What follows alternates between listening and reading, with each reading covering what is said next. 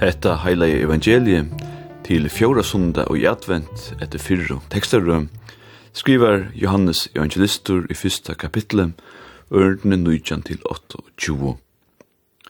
Og hetta er vittnesborur Johannesar, ta jødane sendte prestar og levittar fra Jerusalem til tess a spyrje han, hver erst du?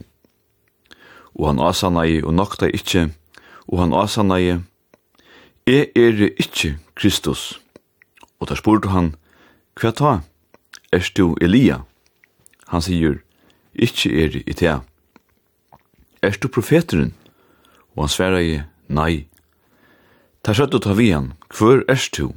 For at vi kunne djeva dem og sver som har sendt okkon. Hva sier du om til sjolvan? Han sier, jeg er rødt og einon som råpar og i øyemørsene.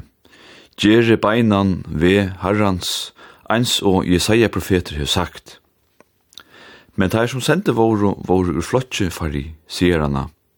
Og da spurte han, og sødde vi han, Kvoi døyper du ta om du ikkje erst Kristus, ei heldur Elia, ei heldur profeteren? Johannes sverra i teimon og sier, Jeg døyper vi vattne, mitt i middelen stender han, som du ikkje kjenner, han som kommer atan av meg, som jeg ikke er verdur a løysa tvonginar tja. Hette hendi ui Betania hinemin Jordan, her som Johannes døpte. At vera etla ikkje at vera, det er spurningrun, sier Hamlet i leidsenun tja Shakespeare. Onkel du sier vit at vi skulle vera til okkurst, Men andre sier, er vi ikke skulle halda okkon vera. Tilveran er ikke alltid så løtt at han færa. Søvan ur er og Mosebok er enn vel kjent, ta Moses hitte god og i brennande tørna rundenon, og Moses spurte hver god vær. I eret han, i ere vær svære. Hoa svære kanska kan tidsast og og kanska og så hei neivan bor til a sagt meir. Til hverja fragreing skulle vi iver høver, vant okkun, ta vi spyrja skapar av himens og gjerrar hver han er. God kan ikkje ermarskast, han til veran ikkje god. Hetta stafest og godfrøyngar og heimspekingar langofyrir nekvun öldun sujane. Ørvuse vi Johanse, døybara nun. Han var et menneske.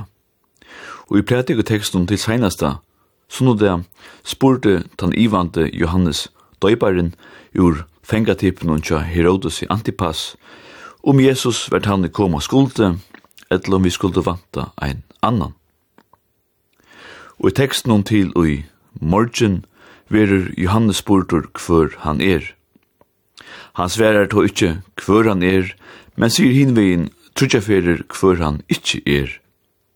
Er ikkje Kristus, er ikkje Elia, er ikkje profeteren. Ta i tøyne våre gjøtar og i boja og etter at Elia skulle komme atter. Som så er teksten til morgen er sindur komiskur. Vi høyrer om jeg ser vel lærte og fyno mennenar ur sendenevntene ur iverstaten i Jerusalem koma ut i øymarskene vita for hissen heldur løgne øymarskra byggven vær som tjekk ui mestelin klævon og at græshoppur. Teir visste jo fra bibelsøvne at ui øymarskene kundi alt henta og tui tog og tar sinne firevarne. Teir myntes kanska at ta sendebo vår færen og som ørendun som tar sjolver til Elia profet, ta var eldur komin av himne, som hei tunt teir. Men hva sk først eldur ella nekka anna koma himni himne hesa ferina, så nøytist hentan sendet nevnten helst affæra så nakka lang heimatur inn i størbojen, her tan fariseiska iverstatten boja i etter svære. Tui ta einasta Johannes Lytelaten seg om seg sjolvan vær, at han var rødden og einon som råpa i oi oi mørsne. Det kunde sjående være frestande tja Johannes er sagt okkur anna, og her vi hevja seg sjolvan, nu og ahu var fyrir honom av hakstu råg. Kanska kunde han sagt seg vera Messias, men det gjør han ikkje. Han sier i stegin at vevor herrans skulle ikke speinur, og at sjolvor døpte han vi vattnet, men mitt mittlent herra stod han, og han ikkje var verdur a løysa tvunjunar tja. Johannes evangelistur legger ikkje størvis dent å fortelja om sjølvan mannen Johannes døybaran. Vi høyrer ikkje om hans herra boan, om dom, ein så hinner evangelistane gjerra, og i heson evangelinon høyrer vi ikkje om at Johannes døybaren døyper Jesus. Dentur vil heldur lagtur av å fortelje om Johannes døybaran som tann og i viser å Jesus medan han sjálfur nokta fyrir a vera Messias, Elia, etla ein profetur.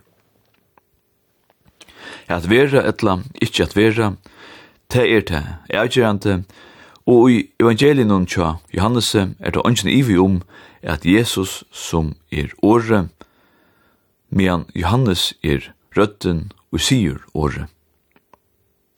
Johannes forteller okkun at Jesus er åre, ljose og kærleitje. Vid enda kvöld vi tonleitje etter Kara Beck.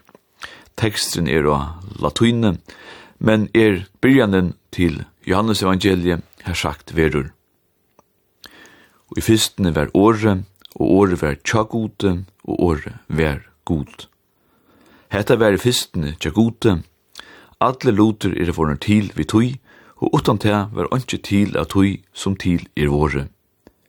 Og i tui var luiv, og luiv var ljós, menneskjunnar, og ljós skuiner i myskrenun, og myskre tog ikkje vittui. i årene er reisende pastor av pratikoteksten til Jólade, ta setna tekstarø virur lisen. Det er jo av Jolun vi minnast at året som alt er vår til vi gjørdest menneskja let seg fua som eit lyte bad og gjennom fjose. In principio er at verbum. Vi fyrstene ver åre.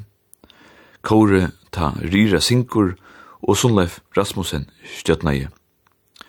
Opptøkene var gjørt i Esserskolan i Havn i aprilmannet i 2006, og finst av utgavene etla fløvene Flower av Ljose etter Kara Beck.